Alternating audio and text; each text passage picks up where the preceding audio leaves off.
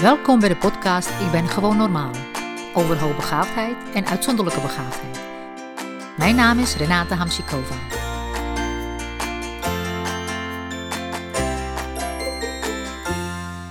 Welkom bij deze podcast uh, Je hart en je recht. En waarom is het uh, deze naam Je hart en je recht? Omdat je ziet het al, ik zie hier samen met uh, Fleur Terpstra, onderwijsjurist. En uh, wij vinden dat uh, het recht er is uh, om het kind, in dit geval het hoogbegaafde kind, te helpen. En ehm, het recht, en daar is Fleur heel goed in, om het recht zo te interpreteren dat het ook inderdaad bruikbaar is voor hoogbegaafde kinderen. En hun onderwijsaanpassing. En uh, op die manier heb ik ook Fleur leren kennen, want uh, ik begeleid uitzonderlijk begaafde kinderen. En daar is vrij vaak maatwerk voor nodig. Dat wel binnen de wetgeving moet passen. En nou, daar, daarover overleg ik regelmatig met Fleur. En nou ja, op die manier hebben we elkaar leren kennen en ook bedacht dat het heel goed is om die kennis, voor als het om wetgeving gaat en wat ouders wel of niet kunnen en mogen, om dat te delen. En dit is een tweede podcast inmiddels eh, die we samen hebben gedaan. Want vorige keer heb ik je geloof ik ook geïnterviewd een paar maanden geleden. En uh, er komen nog meer podcasts, dus uh, blijf, uh, blijf het volgen. Fleur, kun je misschien iets over jezelf vertellen, wat je bij zo mee bezig bent? Ja, nou ja, je zei al dat ik onderwijsjurist ben, dat klopt ook. Um, ik doe dat al ja, eigenlijk als zelfstandige twaalf jaar. Mm -hmm. En um, de, ja, de afgelopen jaren heb ik eigenlijk steeds meer uh, zaken van uh, hoogbegaafde kinderen uh, voorbij zien komen. Dus nou, dat is ook mijn specialisme wel geworden. Um, en um, de aanpak die ik daarin hanteer, die is wel anders dan de meeste juristen, denk ik, hanteren. Ja, dat kun je wel zeggen. Of denk ik omdat je zelf begaafd bent, of niet? Dat, dat je daar meer, dat je dat ja. meer begrijpt. Ja, dat zeker ook. Uh, natuurlijk kun je je dan makkelijker verplaatsen in, uh, in wat er speelt. En uh, nou ja, heb je er al meer kennis over. Um, maar daarnaast kijk ik ook wel heel erg van, oké, okay, wat is de behoefte van het kind? Um, en um, nou ja, dan proberen we ook door middel van begeleiding en bemiddeling eigenlijk oplossingen te creëren, maar wel met het recht uh, in de hand, als het ware. Ja. Uh, maar procedures voorkomen we liever, want meestal zijn daar alleen maar verliezers. Ja. Um, ja, en ik, ik, ben ook bezig met het schrijven van een boek. Uh, ja, vertel daar meer over. Dat is heel leuk, ja. Ja, het wordt een uh, juridisch handboek uh, voor ouders. Um, om passend onderwijs uh, te realiseren. Of in ieder geval wat je moet doen als dat niet lukt.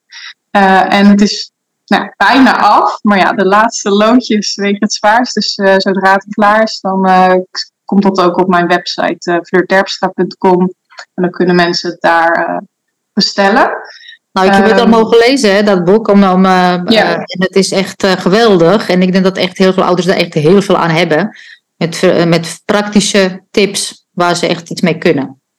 Ja, precies. En uh, dat is ook eigenlijk het doel ervan. Want er zijn zoveel mensen die hier tegenaan lopen. En ik kan die niet allemaal helpen. Maar er zijn eigenlijk te weinig um, collega's naar wie ik kan verwijzen. Die specifiek deze groep ook snappen en kunnen helpen. Dus uh, ja, ik hoop dat dat uh, daaraan kan bijdragen. En ook dat mensen meer regie kunnen nemen over hun.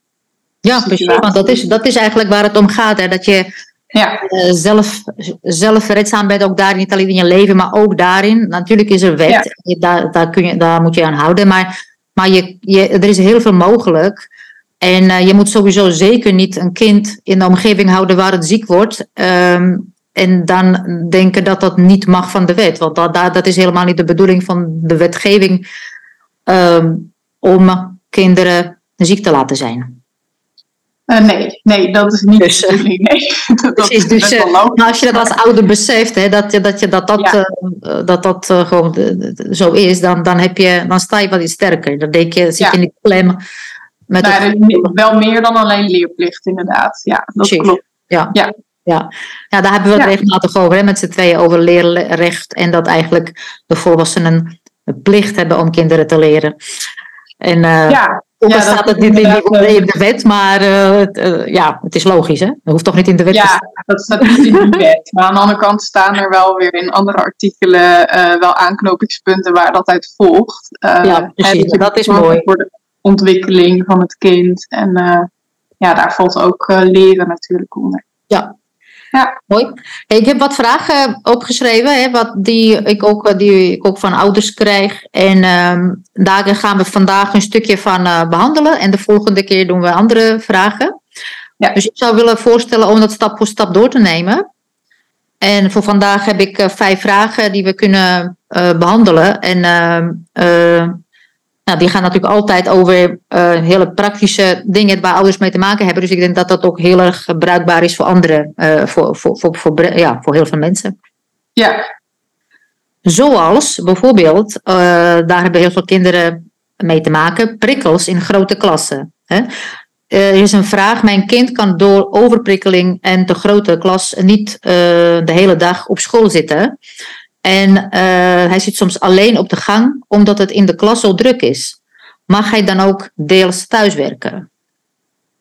Ja, um, als ik dat hoor, dan denk ik eerst, allereerst al van uh, waarom zit dat kind dan op de gang? En dat is eigenlijk bijna een soort schorsing. Maar ja. uh, dat is een ander verhaal natuurlijk. ja, deels thuiswerken, dat kan. Um, is niet dat je daar echt een recht op hebt, maar je kunt natuurlijk in een uh, ontwikkelingsperspectief uh, kan, je een, ja, kan je maatwerk vastleggen. En een onderdeel daarvan kan zijn uh, dat een kind niet alle uren um, op school onderwijs volgt. Um, het zou inderdaad kunnen zijn dat je dan zegt, nou, er is ook onderwijs op een andere locatie, namelijk thuis. En Hm. Soms wordt er dan uh, IVO-onderwijs uh, ingekocht, zodat je dat met begeleiding vanuit IVO kunt doen. Um, en um, bijvoorbeeld in artikel 41 van de WPO, Wet op het Primair Onderwijs, er staat ook uh, dat het bevoegd gezag van de school, uh, dat is het bestuur van de school, die mag zo'n vrijstelling van onderwijsdeelname, ja, die mag dat gewoon bepalen. Hm. Uh, dat wordt ook wel als flexieonderwijs bijvoorbeeld genoemd. Nee, allemaal namen daarvoor. Of um, soms noemen ze het ook MIPSIEK uh, contract. Oh ja. ja. Um, maar um, sinds 2018 is er ook de VARIA-wet. Daar hebben ook heel veel ouders denk ik wel van gehoord. En uh, wat een beetje gek is, is dat die wet ook regels geeft voor als je minder onderwijstijd volgt. En uh, de varia. Sorry? Hoe bedoel je? In, uh, wat voor regels? Of? Um, nou, um, die wet zegt eigenlijk dat uh, als je wil afwijken van het minimaal aantal uren onderwijs, en dat mhm. verschilt per jaar en niveau, mm-hmm. dan moet, moet het bevoegd gezag van de school, die moet toestemming vragen aan de onderwijsinspectie. Mm. En er moet dan ook een onderbouwing zijn. En uh, nou, de ouders moeten daarmee akkoord gaan. Dus eigenlijk is er een extra drempel dan om um, ja, zoiets te realiseren. En dat wordt dus ook wel eens afgewezen als je die route kiest.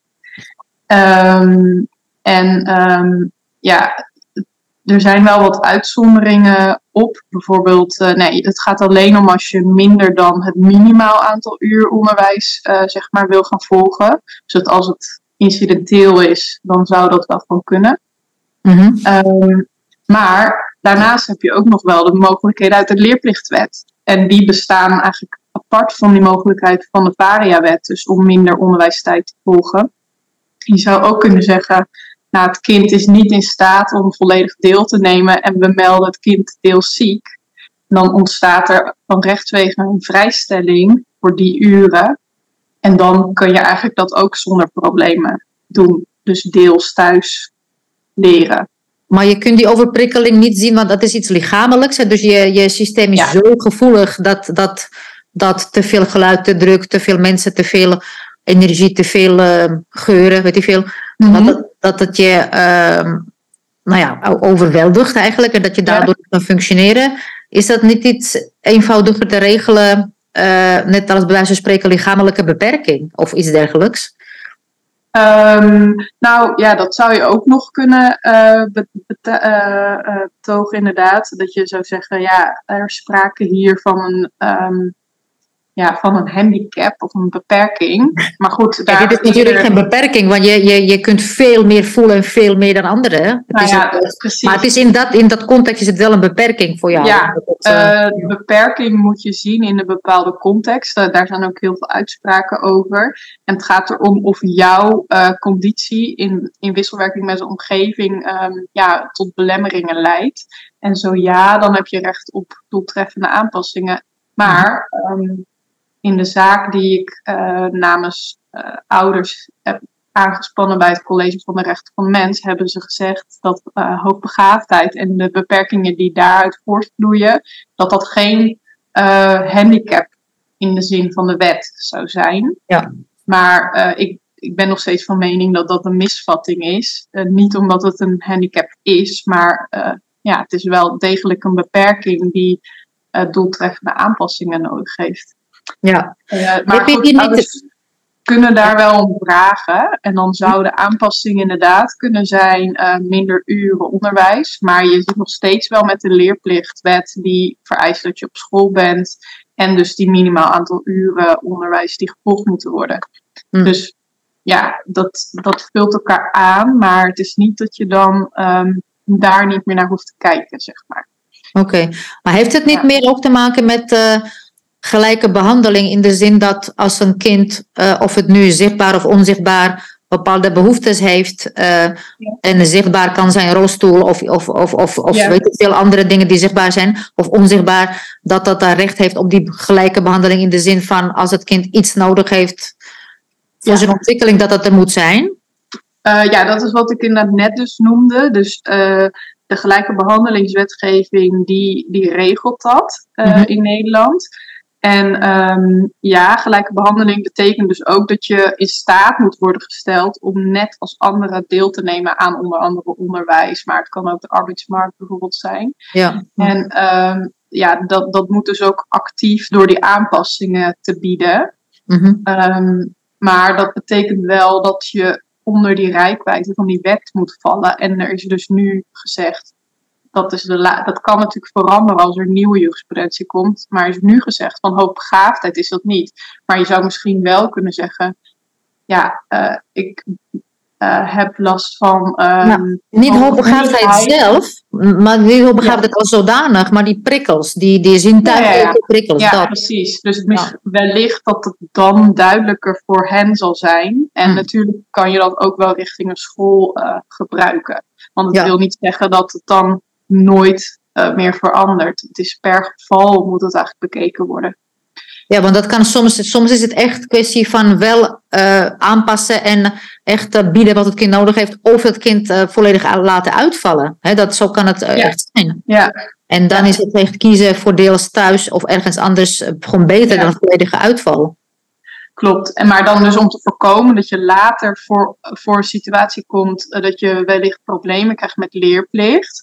Dan wil je dus ook kijken van, um, ja, hoe regel ik het zo dat, ik, dat daar geen onduidelijkheid over bestaat. Dus mm-hmm. dan zal je moeten kiezen voor of variawet of vastleggen in het OPP of uh, deels ziek melden. Dat zijn een beetje ja. de opties. Oké. Okay. Uh, en afhankelijk van hoe je het precies vormgeeft. Ja. Um, maar je kan inderdaad wel, ja, je kan op die manier kan je wel, zeg maar, erom vragen. Maar het is niet, niet zo afdwingbaar, dat, uh, dat weer niet. Nee. nee. Um, een school mag ook zelf uh, wel uh, nadenken over wat voor aanpassingen jou geboden worden. Het is niet dat je dan zegt, oké, okay, ik heb bijvoorbeeld één op één les nodig. Nee, ze mogen ook wel kijken van, zijn er minder zwaarwegende aanpassingen ja. mogelijk? Die hetzelfde bereiken. Want ik merk wel dat uh, leerkrachten uh, en scholen op zich willen uh, meewerken, meedenken, maar dat ze dit soort dingen ook niet weten. Dat ze dit soort. Dus nee. ik denk dat, nou, dat bedenk ik met deze podcast, is denk ik ook handig voor, voor leerkrachten en voor scholen. Niet alleen voor ouders. Ja, ja, ik, ik Want, zou iedereen aanmoedigen dit te luisteren. En, ja. ja, precies, ja. Het kan altijd helpen. Ja, Volgende vraag heb ik, als je het goed vindt. Want dit, ja. dit, dit, dit, is denk ik behandeld, hè, de eerste vraag. Ja, ja. mooi. Want die gaat over staatsexamens in het, eh, in, op de middelbare school. Uh, Mag je ook een staatsexamen doen als je op een uh, VO-school ingeschreven staat? En kan die VO-school de examen betalen? dus sommige tieners uh, leren beter als ze alleen werken, thuis ja. of ergens anders. En ehm, als ze bijvoorbeeld ook van iemand anders les hebben, aparte ja. les, les wiskunde van een andere docent dan op school. Ehm, en ze doen dingen vanuit hun autonomie zelf. Ja. En dan leren ze daardoor beter. Maar kunnen ze dan uh, uh, de examens doen via op kosten of staatsexamen kosten van school? Uh, nou, de, de, eerste vraag of het mag. ja, dat mag. En dat gebeurt ook. Um, en kan het betaald worden door school? Ja. Um, maar kan je dat ook afdwingen? Nou, dat wordt, wordt dan moeilijker. Want ze bieden natuurlijk zelf ook examens aan.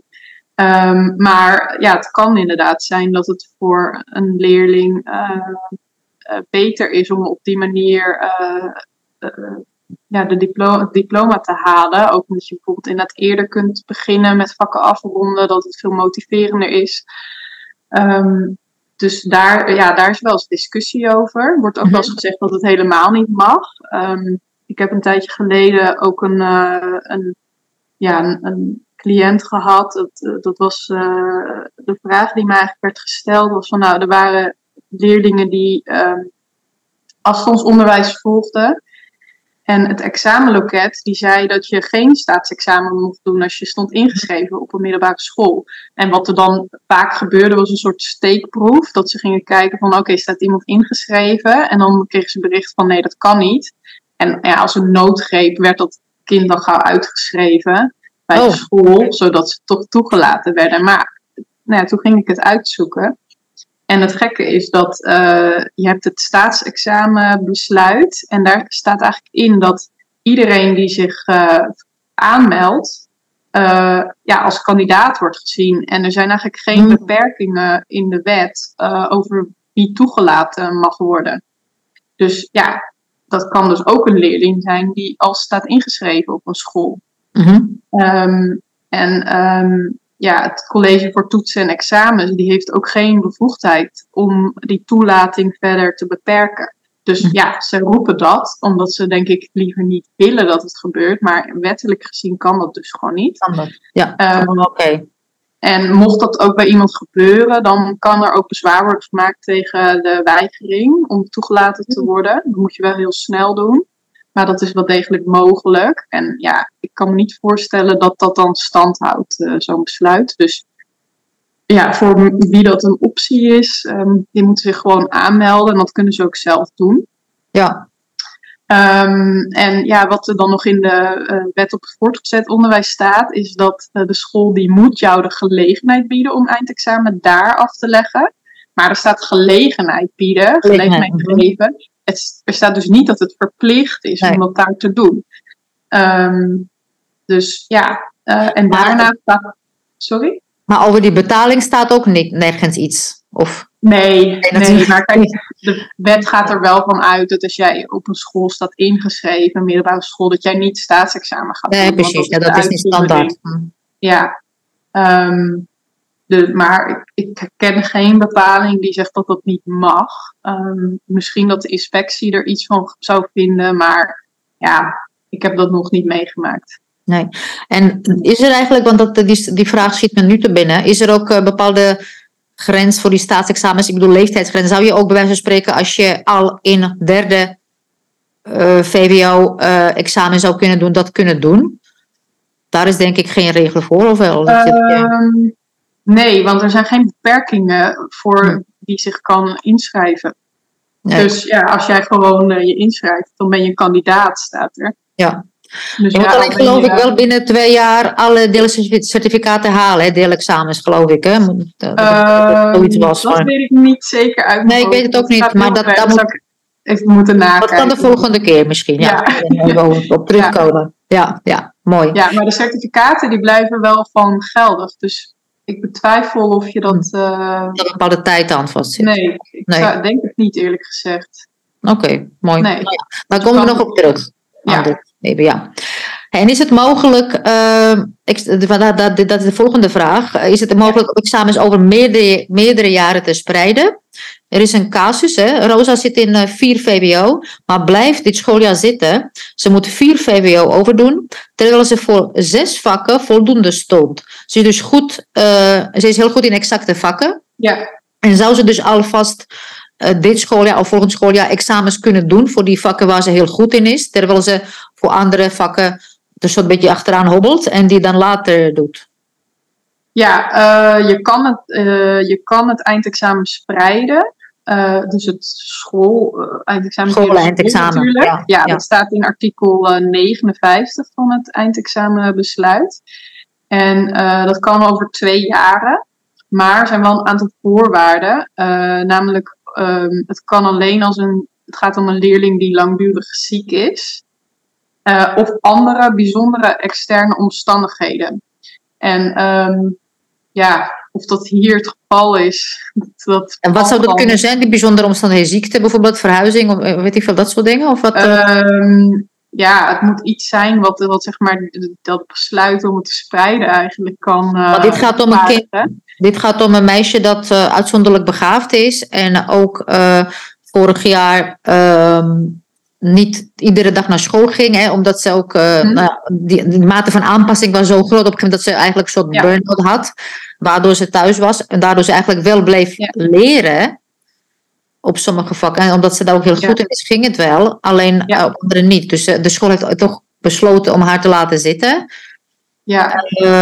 Maar zij kan op in die zes vakken verder. Zij kan gewoon veel, uh, anders is het voor haar stilstaan. Ja, maar als zij vier was... VWO moet overdoen, dan zou het betekenen dat ze dan in vijf VWO alle andere examens moet doen. Dus misschien is het in dit geval dan bijvoorbeeld beter om uh, staatsexamen te doen. Mm -hmm. En uh, als ik het goed zeg, ik geloof het wel, dan kan je die uh, certificaten ook nog weer inbrengen uiteindelijk in je eindexamen. Mm -hmm. Dus ja, dat, dan is een soort combi toch mogelijk. Um, dus dat, dan heeft ze meer tijd. En, dan heeft ze meer tijd, ja. ja. Dan, Heeft ze, dan is, heeft ze het gevoel dat ze doorgaat. Dat ze en dat kan ze ook als de school dat niet, daar niet mee akkoord gaat, toch zelf regelen. En toch zelf regelen en toch doen. Ja, want dan kan ze gewoon aanmelden voor het staatsexamen. Maar voor dat spreiden, dan is ze weer afhankelijk van medewerking van de school.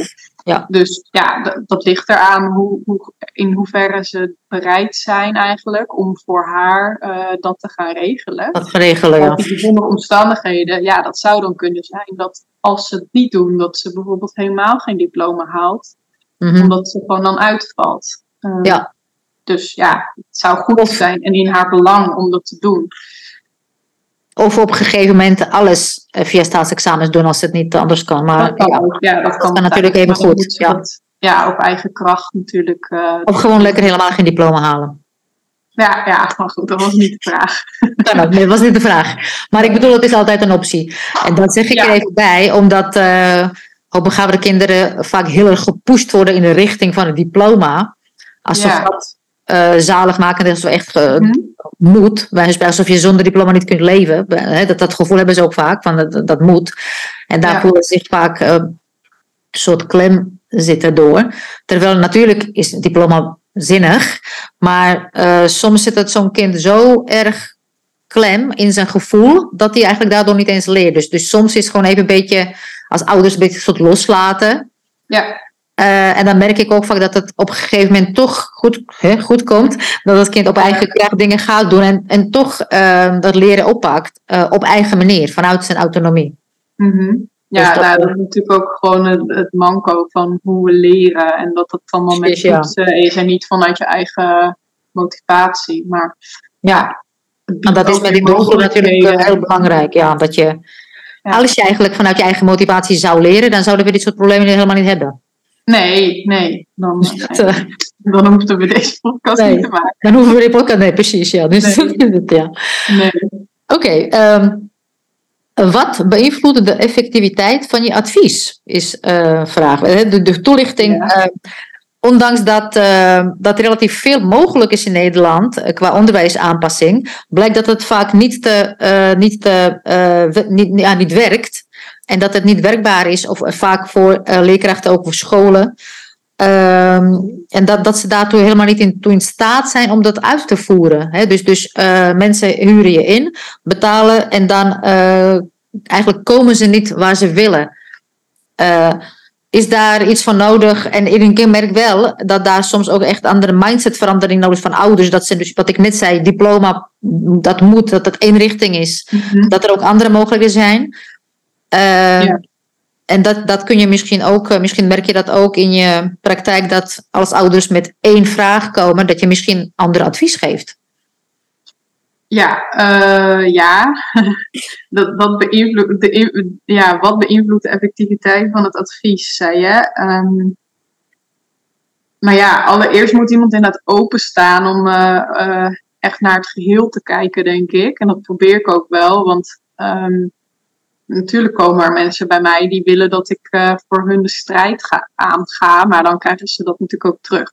En dan uh, krijgen ze gewoon heel veel weerstand. Dus ja, als iemand komt met een vraag en dan zoom ik eerst even uit en dan kijken van oké, okay, maar wat is er dan allemaal aan de hand en wie heb ik voor mij? Hè? Is diegene wel in een moed om al te kijken naar oplossingen of voelt diegene zich kort gedaan en een slachtoffer van de situatie. Want dan moeten we het daar eigenlijk eerst over hebben. Ja, want dat is denk ik ook inderdaad. Want ze komen voor hun kind voor bepaalde. Hè, maar eigenlijk ja. zijn dat ouders ook vaak ouders die zich tekort gedaan voelen door school, niet gezien, niet begrepen. Ja. En natuurlijk ook vanuit hun kind. Maar dat is waar ja. je. Dan wil je soms misschien helemaal bepaalde irrationele dingen, terwijl dat niet mogelijk is of niet effectief is, is juist. Begrijpelijk. Ja, dus dat zeker. Daar moet ook wel ruimte voor zijn. Um, en dat mag ook. En dat gevoel mag, mogen ze ook hebben. Hm, maar um, vanuit daar kan ik hen natuurlijk niet helpen. Want dat zou betekenen dat ik uh, dat, ja, dat dan moet gaan uitdragen. En dan moet gaan wijzen. Maar dan komen mensen nooit in beweging. Om dan ben je geen goede adviseur natuurlijk als je daarin mee nee. Nee, nee. nee, nou ja, goed. Er zijn natuurlijk uh, uh, juristen en advocaten die dat prima vinden. Maar die bereiken ook vaak geen oplossingen. Nee. Of, of misschien heel tijdelijk. Um, dus ja, dat is dus nodig dat ze uh, openstaan voor, voor, ja, voor alle opties. Opties durven te bekijken. Van nou, wat vind ik dan echt belangrijk? Van wil ik dan per se dat diploma. Maar als ik goed kijk naar het kind, is dat dan ook het beste? Of is dat misschien omdat je de waarde hebt dat dat moet?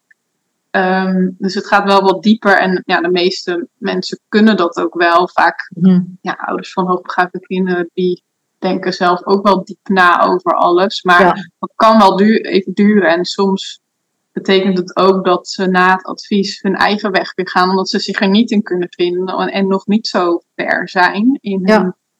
hun um, proces. Uh, of dat ze wel weer telkens terugkomen, omdat, omdat alles zich herhaalt. Ja, ja daar kan ik doordat je dat werkelijk oplost, ja, ja. Ja, maar dat is soms wel eens. Uh, dat is een universele wet natuurlijk, ja. Ja, ja. ja. ja.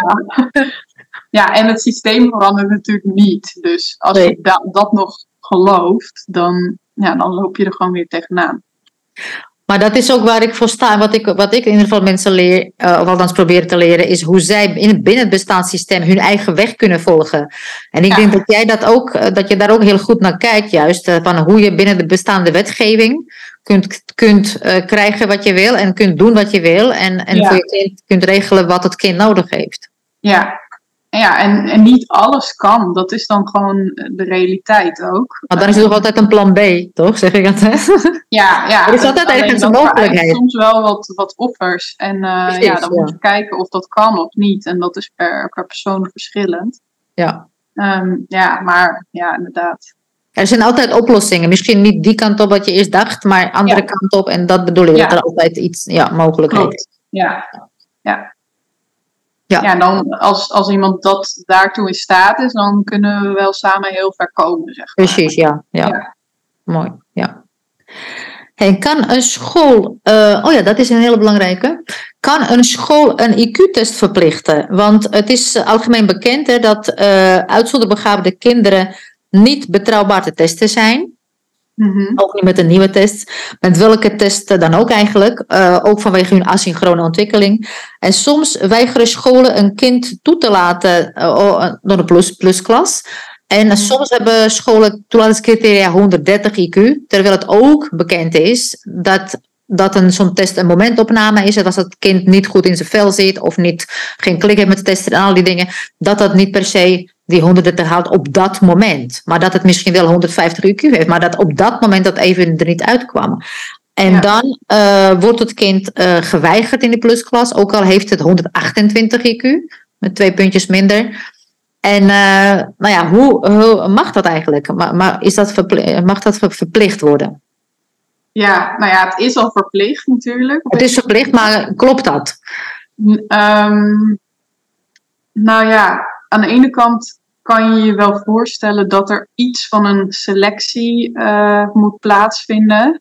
Um, kan ook op een andere manier. Ja, misschien zijn ze heel erg bang dat, uh, ja, dat iedereen in een plusklas wil of zo. En dan gaat misschien de effectiviteit er ook van verloren. Nou, in, uh, ja, een, een IQ-onderzoek, dat is ook uh, een, dat bevat medische persoonsgegevens. En mm dat zijn bijzondere persoonsgegevens. En het is eigenlijk uh, verboden om die te gebruiken, tenzij uh, je aan een van de uitzonderingen uit de, de AVG, de Algemene Verordening Gegevensbescherming, voldoet. En um, nou, één daarvan kan zijn toestemming. Alleen uh, voor toestemming geldt dat je dat altijd in vrijheid moet geven. En ja, er is hier geen sprake van vrijheid. Want als je nee. dat niet doet, dan. Lang min of meer. Per definitie van dan kan je niet komen. Ja. Uh, dus daar kan niet aan worden voldaan. Um, en dat, ja, dan de andere uitzondering waar je hier dan aan zou moeten denken om dat mogelijk te maken, is dat dat in de wet zou komen. Dat er bijvoorbeeld een artikel wordt toegevoegd dat uh, voor, uh, de, voor de plusklasse voor de plusklasse een toelatingscriterium kan zijn. Maar dat is nu niet het geval. Dus, dat zou natuurlijk wel kunnen als zo'n test echt werkelijk betrouwbaar is. Maar als dat niet betrouwbaar is. Ja, en, nou ja dat is dan nog het volgende. Dus inderdaad, je zou dus kunnen zeggen van nou, er is geen wettelijke grondslag om die persoonsgegevens te vragen. Dus het mag niet gevraagd worden. Dus het is ook onwettig. En daarmee is het zelfs in strijd dus met de AVG. En dat is, uh, nou ja, dat is iets waar de toezichthouder op zou kunnen gaan handhaven. Want die gegevens horen gewoon niet in de school. Uh, tenzij je die misschien uh, vrijwillig verstrekt om uh, beter zicht te krijgen op de mogelijkheden om je, het kind te begeleiden. Als het is toevoegt, ja. Ben je al binnen. Ja. Um, en dan inderdaad nog de volgende vraag. Is dat dan een juist criterium? Dat is niet zozeer een heel juridische vraag. Aan de andere kant is het bijna een ongeoorloofd onderscheid wat je maakt. Want ja, we weten ook inderdaad wat je vertelt van het is niet betrouwbaar altijd. Intelligentie is uh, we dan ook niet te meten. Weet je, dus, dus... En, en die grens van 130, ja, dat is heel rigide dan. Um, ja, en dat is echt zo. Dat gebeurt echt dat kinderen met 128 IQ ja. niet toegelaten worden. Ik heb ook voorbeelden gehoord van kinderen waar dan ook zo'n test werd gevraagd. En dat er dan ook bijvoorbeeld nog binnen de plusklas onderscheid werd gemaakt tussen 145 plus en 130 in wat ze moesten herhalen. Oké. Dat dat dan ook weer voor de kinderen ja, tot, tot heel veel frustratie uh, leidde. Ja, logisch. ja, die werden dus onderling ook nog anders behandeld, omdat ze dan een andere score hadden, in plaats dat ze gewoon keken naar het kind. Ja. Waar het stond en wat het nodig had. Ja. Dus ja, dat moeten we natuurlijk altijd doen naar houvast eigenlijk. In plaats van dat ze gewoon vertrouwen op hun eigen uh, oordeel. Ja, oordeel. Ja. ja. precies. Ja. Ja. Wat je eigenlijk zegt is uh, goed nieuws voor heel veel ouders. Want wat je eigenlijk zegt is dat de IQ-test niet verplicht kan worden. Nee, nee. Ik, ik zou, zou zeggen dat uh, ouders die, die geen test hebben gedaan, ja, verspil je geld er gewoon niet aan en meld je kind gewoon aan. En um, ja, maak aannemelijk dat het kind daar thuis hoort. Nou, dan zou ik dat best wel aandurven. En, ja, en kun je ook met die wetgeving, wat je nu zegt, en kun je dat ook eh, duidelijk maken dat de scholen dat eigenlijk als ouder, ja. kun je dat um, Ja, ze kunnen zich dus beroepen op de AVG en zeggen dat het gewoon niet toegestaan is, ook om dat te vragen als, uh, als, als, als toelatingscriterium. Ja, je kan, moet je een beetje voorstellen dat. Uh, ja, dat je dat ergens anders op die manier zou moeten doen, dat is echt ondenkbaar. En hier, Het is ondenkbaar, ja. Het is heel bizar. Ja, dat het dat, heel eh, normaal gevonden, maar eigenlijk is het dat gewoon niet. nee. Nee. Ja, het is, het is gewoon typisch iets wat eh, mensen die heel weinig verstand hebben van, van doelgroep en überhaupt van psychologie in het algemeen en van, überhaupt van, eh, Ja, eigenlijk van, eh, van wat dan ook van, van biologie en diversiteit eh, ook, dat dat, eh, die dat bedenken haast. Dat, eh, nee. Ja, ja, ik denk dat het on- vanuit onzekerheid is dat ze Ja, dat is- denk ik. belangrijk vinden. onzekerheid en niet, het- niet, niet het totaalplaatje van de wereld en de diversiteit Nee. in de, hè, eh, kunnen, kunnen bevatten. Dat is het. En dan, dan, heb je, dan hou je, heb je ergens een houvast nodig. Ja, eh, ja, dat, die, niet, ja. ja, die het sowieso niet klopt. Ja. Oké, dus dat is, heel, dat is mooi. Ehm, en ehm, nou, dat was het volgens mij. Want ik heb, eh, we hebben nog meer vragen, maar dat komt de volgende keer. Anders eh, is dat, krijgen mensen ook te veel informatie binnen in één keer. Maar ik denk dat we nu ook echt hele mooie punten hebben besproken. Dat de verplichting van IQ-test, dat dat dus niet, niet verplicht kan worden. Eh, eindexamens en staatsexamens hè, voor de VO.